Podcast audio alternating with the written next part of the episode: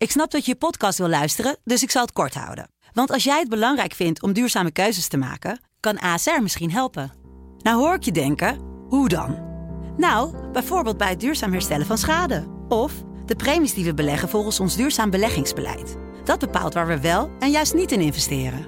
Wil je meer weten over welke duurzame keuzes ASR maakt? Ga dan naar asr.nl slash duurzame keuzes. ASR doet het. Zo, dan kan je nu lekker naar je podcast luisteren. Dit is het Haagse kwartiertje. De dagelijkse politieke podcast van de Telegraaf in aanloop naar de verkiezingen. Met Peter Winterman. Laurens Dassen van Volt wil de belastingen voor gezinnen met 73 miljard euro verhogen. En als het aan de VVD ligt, gaat er een streep door zo'n beetje alle ontwikkelingshulp aan arme landen. Vandaag is het de dag waar de politieke junkies naar hebben gesmacht. Uh, de doorrekening van de verkiezingsprogramma's door de planbureaus. Kon je er wel van slapen, Leon, vannacht? Ik slaap altijd slecht als ik weet dat ik er vroeg uit moet. Maar mensen met kinderen gaan waarschijnlijk zeggen dat ik er helemaal niet vroeg uit hoefde. Dus ik, ik ga niet klagen. We noemen maar geen tijden. En ook politiek verslaggever Mike Muller zit hier bij mij aan tafel op de Haagse redactie van de Telegraaf in de Tweede Kamer. Mannen, welkom bij het Haagse kwartiertje. Een hoop cijfers en getallen dus, maar om het kwartiertje luchtig af te sluiten bellen we straks met ons politiek orakel. Op woensdag is dat de Friese PvdA-heldin Lut Jacobi. We duiken in de doorrekeningen. Leon, jij was vanochtend bij de persconferentie van de bureaus die de verkiezingsprogramma's hebben doorgerekend. En daar zei de directeur van het Centraal Planbureau dit. Wat we hier presenteren vandaag is nadrukkelijk geen stemadvies. Het is ook geen wedstrijd. Maar dit zegt iets over de economische en budgettaire gevolgen van keuzes van politieke partijen. Hoe dat uiteindelijk gewaardeerd wordt, is aan de kiezer. Ja, Leon, geen stemadvies dus, zegt Pieter Hazekamp, de directeur van het CPB. Toch zijn deze doorrekeningen wel heel belangrijk. Wat is jou opgevallen? Nou, wat vooral opviel, ehm, en dan tel ik even de wat grotere partijen. Eigenlijk van de vijf grootste in de peilingen deden er maar twee mee. Daar hebben we het zo nogal over. VVD en uh, GroenLinks PvdA. Ja, bij allebei die partijen zag je eigenlijk best wel een nivellerend koopkrachtplaatje. Oftewel, de laagste inkomens gaan er het meest op vooruit. En daartegenover, ja, dat loopt eigenlijk langzaam af naar de hogere inkomens toe, waarbij het plusje steeds kleiner wordt. Van linkse partijen kennen we dat natuurlijk, maar van de VVD is het misschien een beetje verrassend. Ja, is iets andere koek, eh, komen meer op voor de middenklasse. Hun uitleg daarbij is dat ze ook de maatregelen die al zijn genomen bij de miljoenennota op Prinsjesdag uh, ook hebben meegenomen. En daar zit veel armoedebeleid in. En zij zeggen, ja, daar komt het een beetje door. Klopt deels ook wel.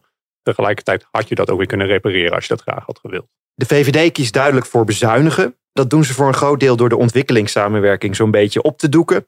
Hoeveel gaat er af bij de VVD en is dat eigenlijk wel realistisch als je kijkt naar de plannen van andere partijen? Ja, uiteindelijk in, in 2028 willen ze 5,3 miljard bezuinigen op ontwikkelingssamenwerking. Nou, dat is ongeveer 90% even door de bank genomen, oftewel bijna helemaal mee stoppen. Alleen noodhulp overhouden. Ja, ik heb daar een paar kanttekeningen bij. Ten eerste, realistisch lijkt het me niet, want verder is alleen jaar 21 eigenlijk zit op datzelfde spoor.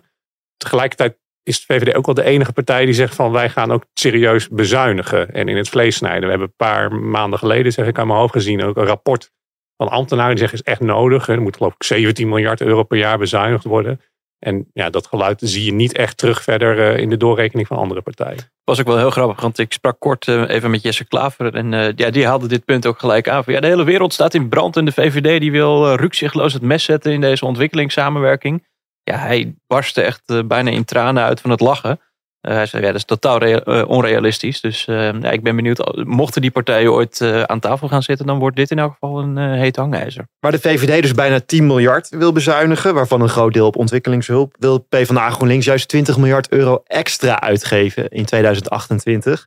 Waaraan geeft links dan zoveel geld uit? Ja, eigenlijk aan van alles. het zit in onderwijs, het zit hem in zorg, het zit hem ook in defensie overigens. Hè, een thema waar ze misschien wat meer overeenstemmingen kunnen gaan bereiken. En ehm, je ziet sowieso bij PvdA en GroenLinks er veel nou ja, ingrijpender en radicaler uh, wijzigingen voor staat dan bijvoorbeeld de VVD. Niet alleen in de uitgaven, maar ook het verschuiven van uh, weet je al, de lasten. Wie ga je belasten, wie ga je ontlasten? Ik geloof dat er voor het bedrijfsleven 25 miljard euro bij komt. Staat dan ook weer een soort gelijk bedrag aan lastenverlagingen voor uh, gezinnen tegenover. Dat is wel een stuk steviger misschien, een stuk meer veranderingen. Tegelijkertijd moet je je afvragen hoe realistisch het is. Er zitten belastingwijzigingen in waarvan ik denk, ja, de Belastingdienst vindt het nu al moeilijk om aan de knop te draaien die er is. En als je er nog even 27 nieuwe knoppen bij wil zetten, dan wordt het wel heel erg moeilijk. Ik hoor verbaasde reacties op de doorrekening van Volt. Die partij wil de belastingen voor gezinnen met een dikke 73 miljard euro verhogen. En toch de koopkracht voor Nederlanders uh, op vooruit laten gaan. Hoe kan dat, Leon? Ja, ja, ik zei dat GroenLinks PvdA wat steviger was, maar Volt is echt eh, helemaal uh, radicaal. En eigenlijk dusdanig dat die modellen van het CPB ongeveer op tilt slaan, als je dit ziet. Het zit hem er vooral in dat ze een, een, een inkomensonafhankelijke huishoudenstoelagen, zeg ik uit mijn hoofd willen, een soort basisinkomen eigenlijk. En ja, in ruil daarvoor schaffen ze allerlei belastingen en toeslagen af. En dus daar zit een hele grote lastenverzwaring in. Dan een heleboel nieuwe uitgaven tegenover. Waardoor je onderaan de streep toch nog dat koopkrachtplusje overhoudt. Ja. Maar die kanttekening die ik net maakte over uitvoerbaarheid, die zet ik hier dubbel en dwars bij. Rokende computers eh, bij het CPB. Acht partijen die hebben hun verkiezingsprogramma door het CPB laten doorrekenen. Een paar grote namen ontbreken. NSC van Pieter Omtzigt, BBB en de PVV. Daarover zei Pieter Hazekamp dit. Je moet die uitkomsten niet verabsoluteren. Tegelijkertijd denk ik dat het nog steeds een, een belangrijke middel is om voorstellen concreet te maken en en ook vergelijkbaar uh, te maken. In die zin vind ik het wel enigszins jammer dat niet iedereen uh, zich bij ons heeft gemeld. Enigszins jammer, zegt hij? Ja, enigszins jammer. En als in, in CPB, het, het, keurige CPB dat enigszins jammer zegt, dan mogen we dat toch gewoon als een tik op de vingers interpreteren. Waarom laten lijsttrekkers als Omzicht en Van der Plas hun programma's eigenlijk niet doorrekenen? hebben ze eigenlijk allebei al uitgebreid moeten uitleggen. En bij Omzicht zit daar een, een consequente kritiek in op de modellenwerkelijkheid van het CPB bij hem geldt ook nog wel dat hij zijn partij heeft opgericht nadat dit hele programma eigenlijk van het doorrekenen begon. Valt wat voor te zeggen misschien. Tegelijkertijd mis je dus wel dat ze allebei langs diezelfde lineaal worden gelegd als de partijen die wel hebben meegedaan. Ja, vergelijken wordt lastig. Hey, ook het eh, Planbureau voor de Leefomgeving heeft naar de verkiezingsprogramma's gekeken. Mike Muller, jij hebt daar extra op gelet. En het gaat dan niet alleen om geld, maar ook om bijvoorbeeld de bereikbaarheid van Nederland en de mate waarin er wordt uh, vervuild door bedrijven en uh, consumenten.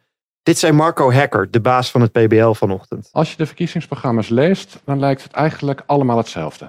Iedereen wil meer bereikbaarheid, iedereen wil betere betaalbaarheid en iedereen wil emissies uh, verminderen. Dus so far so good. Maar als je dan een laagje dieper gaat kijken, dan zie je wel degelijk uh, hele grote uh, verschillen. Wat viel jou op, Mike? Ja, uit deze doorrekening blijkt inderdaad dat heel veel partijen wel hetzelfde willen onderaan de streep uh, blijkt ook bijvoorbeeld dat uh, ja, het uh, terugdringen van die broeikasgasemissies, bijvoorbeeld de CO2-uitstoot, dat dat eigenlijk bij alle partijen wel redelijk op lijn ligt. Eigenlijk iedereen heeft wel een soort streefwaarde en dat is ook dus doorgerekend. Zelfs de VVD komt in de buurt van nou ja, het, het, terugdringen van de CO2-uitstoot in 2030. En dat moet uiteindelijk dus optellen tot nul. Nul CO2-uitstoot in 2050. Nu is vooral gekeken naar 2030 en uh, nou, blijkt er inderdaad dat vooral het verschil zit in de snelheid en in de, de mate waarin je maatregelen snel doorvoert. Een van de belangrijkste waarschuwingen die het PBL eigenlijk geeft, is dat er een groot weglek-effect zit. Dus op papier lijkt het inderdaad mooi dat bijvoorbeeld de Partij van de Arbeid en GroenLinks heel erg sterk inzetten in het eh, verminderen van eh, de CO2-uitstoot. Alleen als je dan iets dieper de tabellen ingaat, dan zie je juist dat bijvoorbeeld de industrie zich dan verplaatst. Uh, naar het buitenland. Naar het buitenland. En dat is eigenlijk ook wel de kritiek die in het terugdringen van de CO2-uitstoot naar voren komt. Je kunt dat wel verplaatsen. Alleen ja, onderaan de streep, eh, het klimaat ja, wereldwijd eh, wordt daar niet heel veel beter van. Hetzelfde geldt voor bijvoorbeeld de emissies uit de landbouw. Daar is echt een enorme opgave die daar nog moet worden gerealiseerd. En eigenlijk uit alle uh, waarschuwingen blijkt dat ja, als onze consumptie niet verandert, en als de consumptie van de landen om ons heen dus ook niet verandert, dan kunnen we in Nederland dus inderdaad het mes in de veestapel gaan zetten. Maar dan schrijft het eh, PBL, dan bestaat het risico dat de veehouderij dus net over de grens gaat. En dan gaan wij dus vervolgens uh, ja, het, eten importeren vanuit Duitsland bijvoorbeeld. En zit je onderaan de streep met dezelfde emissies. Dus dat is eigenlijk een belangrijke waarschuwing die men geeft. Wil je dat de Nederlandse ondernemers dit mee kunnen maken, dan zul je op een transitiepad moeten gaan zitten. Wat realistisch en betaalbaar is. Nou, daar zie je dus ook wel een aantal verschillen in dat uh, ja, vooral de VVD ja, heel erg in zit op de marktwerking, de vrije marktwerking. En uh, ja, andere partijen aan de linkerkant die zitten vooral meer op, op het sturen vanuit de overheid op doelen. Bijvoorbeeld door de, de prijs op uitstoot uh, flink omhoog te gaan gooien. En dat kan ook effect hebben. Ja, dus het PBL is niet heel erg optimistisch over uh, wat ze zien in de verkiezingsprogramma's. Nou ja, onderaan de streep komen zij dus wel tot de conclusie dat doelen die gesteld worden ook wel behaald kunnen worden. Dus dat is op zich positief. Dat bleek eigenlijk ook al uit het eerdere klimaatpakket dat uh, door het uh, gevallen kabinet naar voren is gebracht. Alleen ja, de vraag hoe je dat wil doen en in welk uh, tempo en of je daarbij voldoende oog hebt voor het eventuele weglekken van emissies. Ja, dat is een tweede. En dat moet je goed in, uh, in ogenschouw nemen, waarschuwen zij voor. Vandaag zit Frans Timmermans van P van de A GroenLinks bij de Universiteit Twente. Waar hij dit zei over het klimaat. Als wij echt de bestaanszekerheid van onze kinderen en kleinkinderen serieus nemen, moeten we een schepje erbovenop doen bij klimaatbeleid. Want ik geef je op een briefje. Omtzigt heeft er nauwelijks een woord voor over in zijn programma. De VVD wil niet de vervuilers zouden aanpakken, wil ook niet de fossiele subsidies uh, echt aanpakken. Dan komen we er niet. Dan komen we er niet. Dan halen ze niet eens hun relatief bescheiden doelen, die de Europese doelen zijn, die wettelijk zijn vastgelegd, 55% verlagen. Zit er wat in die kritiek van uh, Timmermans op Omtzigt en de VVD? Nou, voor Omzicht is dat heel moeilijk te zeggen, want die heeft dus zijn verkiezingsprogramma niet laten doorrekenen. Dus dat is ja, op dit moment moeilijk te beoordelen. Voor de VVD zien we inderdaad dat die toch echt wel in de bandbreedte komen om die doelen wel te gaan halen. Dus dat lijkt niet helemaal waar te zijn. Bovendien, ehm, als je dan inderdaad nog eens een keer inzoomt op die verwachte effecten van de maatregelen, dan zie je dus dat in de, bij de VVD ongeveer nul emissie als weglek-effect wordt weggezet.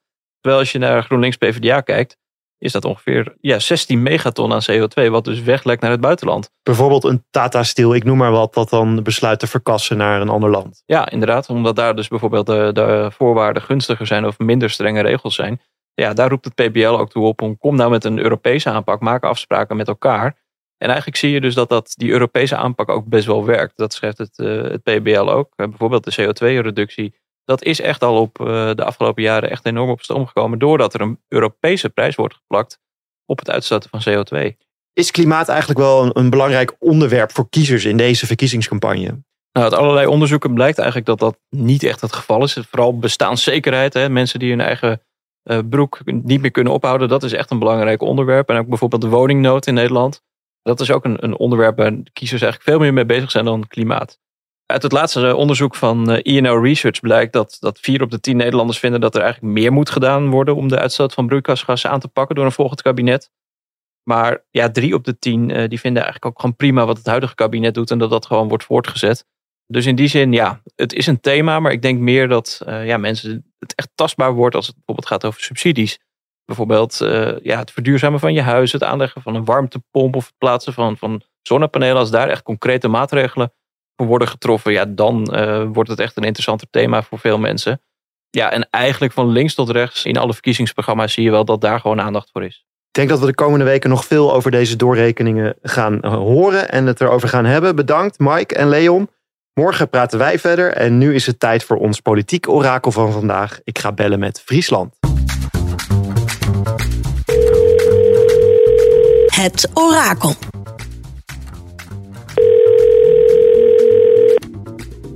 Hi, met Lutz Kobi. Hallo Lutz, met Peter Winterman van de Telegraaf. Goedemiddag. Hi Peter. Hoe gaat het daar? Ja, hier is het rustig. Ja? Geen oorlog, hè? Geen oorlog, zo is het, gelukkig. En we zitten nu uh, ja. vandaag precies twee weken voor de verkiezingen. Je bent natuurlijk een prominente P van de A. Daar wou ik het even over hebben, want je zat tot augustus ook in het P van de A hoofdbestuur. Maar daar ben je uitgestapt. Waarom eigenlijk? Dat heeft alles te maken met ook over hoe ik vind dat je als politieke partij in de samenleving uh, behoort te staan. Ja. Ik ben heel erg van de achterbannen. Ik ben heel erg van uh, het contact met de mensen in de wijken en in de dorpen en zo. Ja. En ik was heel ontevreden en heel ongelukkig over hoe onze partij samen met GroenLinks heel erg gericht op het statutaire, zullen we maar zeggen, hè, van de één lijst en alles één en één dit. Terwijl ik denk dat je op inhoud en uh, van onderop politieke partijen moet organiseren. Ja, dus u bent eigenlijk ook tegen, groei moet. tegen die fusie bent u met GroenLinks? Ja, nou, ik ben sowieso tegen. Nee, maar we zeggen ook steeds van ja, het is geen fusie. Maar ondertussen heb ik zoiets van ja, als dit geen fusie is, weet ik het ook niet meer. Nee, Daar wil ik niet eens over hebben. Nee. Ik ben gewoon uh, een PvdA van de rode soort. En ik heb hier geen goed gevoel bij. En dat, nou, dat mag, dat kan. Zeker. Maar dan moet je niet meer in het bestuur gaan zitten. Dan moet je zeggen van... Uh, doe maar iemand die hier wel heel enthousiast ja, over is. Ja, maar is er, nog, is er nog wel op je ingepraat uh, om uh, in dat bestuur te blijven zitten? Want het is toch wel een aderlating, denk ik, als jij er dan uitstapt. Ja, nou, ik, ik, denk dat er eerder op meer is ingepraat is van... volgens mij moet je er maar gewoon uitstappen. Het is maar net met wie je spreekt. Dus eigenlijk ik. ben je eruit getrapt? Nee joh, nee joh, dat is raar. Dat is raar. Oh. Nee hoor, het is uh, eigen keuze. Nee, dat gaat iedereen zeggen dat ze het heel erg vinden. Dan denk ik, ja, dan had je misschien wel een paar maanden daarvoor ook uh, beter... Uh, nee, de, P van de, A, de, de ouderwetse P van de A-kiezer, zeg maar, waar jij je verbonden mee voelt. Denk je dat hij zich thuis kan voelen bij die linkse samenwerking met GroenLinks? Nou, weet je, het is niet ouderwets. Ik denk juist, de geschiedenis van de Partij van de Arbeid die zit hem in de sociaaldemocratie. En dat is anders bij GroenLinks. Maar ik denk dat je juist die onderwerpen, een van mijn speerpunten vind ik, dat de loonbelasting bijvoorbeeld heel erg naar beneden moet. Waardoor je weer een fatsoenlijk bestaan kunt maken waarbij werk loont. En nou, GroenLinks wil dat niet. Nou, dat weet ik niet meer. Oh. Dat is de discussie niet. Ik doe dat vanuit sociaal-democratische overwegingen. Het gaat erom dat je daar weer zeg maar, de mensen aan je verbindt. Ik vind dat de marktwerking in de zorg, alle partijen, inclusief PvdA, hebben daar uh, langer geleden zeg maar, een keuze voor gemaakt. Ik vind hem zo fout. Ja. En dan denk ik van jongens, als wij een stuk of zes van dit soort sociaal-democratische speerpunt maken, waarbij, waarbij we weer zijn voor de mensen waarvoor we behoren te zijn. Dat, er zijn mensen die, nou ja, die op het randje zitten van verdienen, maar dat zijn ondertussen ook de middeninkomens. Graag wil ik zo op die manier in de politiek zitten en niet een halve jaar zitten zeuren over hoe het moet met één lijst, weet je. Hey, hartstikke bedankt, uh, Lut. Tot volgende week. Hoi, hoi. Doei, doei. Hoi. Dit was het Haagse kwartiertje. Morgen om half vijf zijn we er weer. Tot dan.